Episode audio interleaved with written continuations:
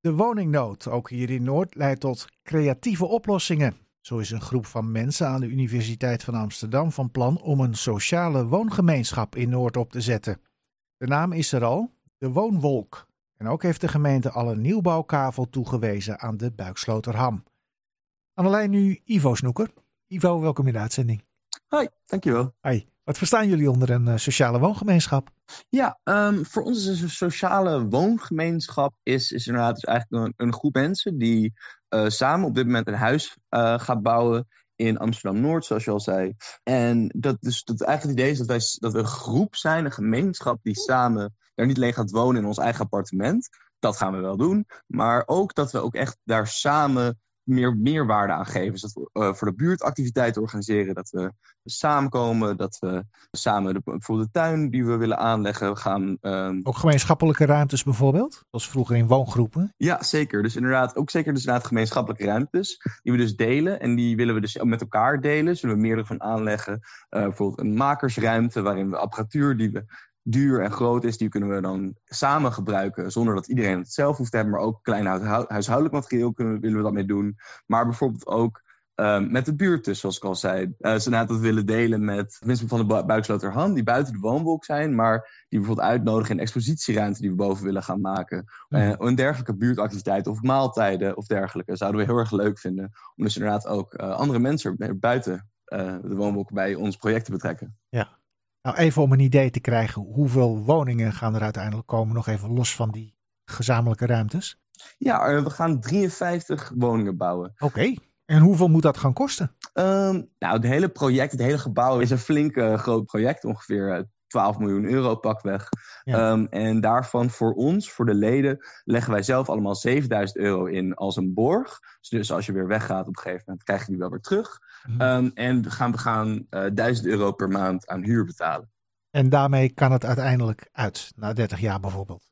Uh, zeker, zeker. Het, uh, we hebben ontzettend positieve berichten van zowel de bank als de gemeente gekregen over onze business case. Nou, ik ben zelf helemaal niet handig met, uh, met cijfers, maar gelukkig andere mensen van de woonblok wel.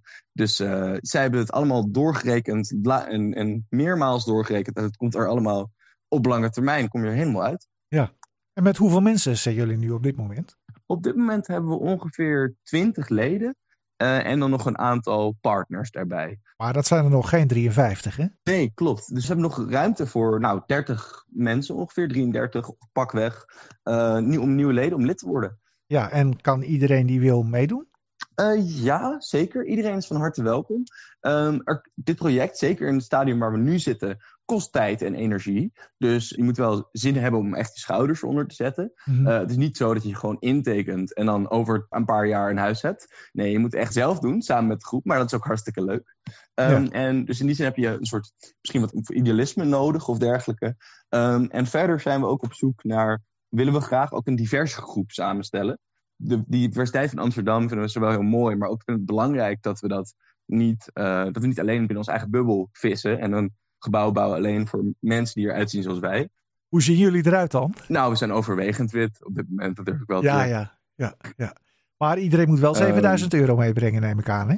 Ja, dat is, en dat is het ja. lastige van het plaatje in die zin natuurlijk. Dat veel mensen die uit een minder ja, financieel geprivilegeerde achtergrond komen, die waarschijnlijk moeilijker zullen hebben om dat op te hoesten. Ja. Um, en dat, daar hebben we ook moeite mee gehad intern. Daar hebben we het over moeten hebben. Maar um, in, de, met, in gesprek met de bank en het financiële waar je eerder naar vroeg, was dit helaas het laagste waar we op uitkwamen. Ja. Verwachten jullie hiermee nou ook uh, voor andere mensen die in dezelfde soort situatie verkeren, dat ze op zoek zijn naar een woning, uh, een oplossing te hebben? Zeker. Um, het is geen panacea. Het, het, lost niet in één keer alles op. Sterker nog, het duurt erg lang voordat je er eindelijk bent.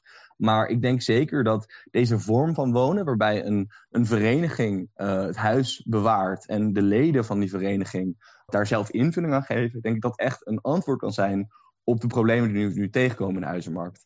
Ik denk dat privé-investeerders eigenlijk alleen maar op winst uit zijn, is een model dat ik denk, denk ik niet houdbaar is. Uh, mm. En ik denk dat wooncoöperaties een heel goed antwoord daarop zijn. Omdat niet winst het, het oogpunt is, maar juist de mensen centraal stelt. Het wonen met elkaar. Veel succes met jullie initiatief. Hartelijk dank.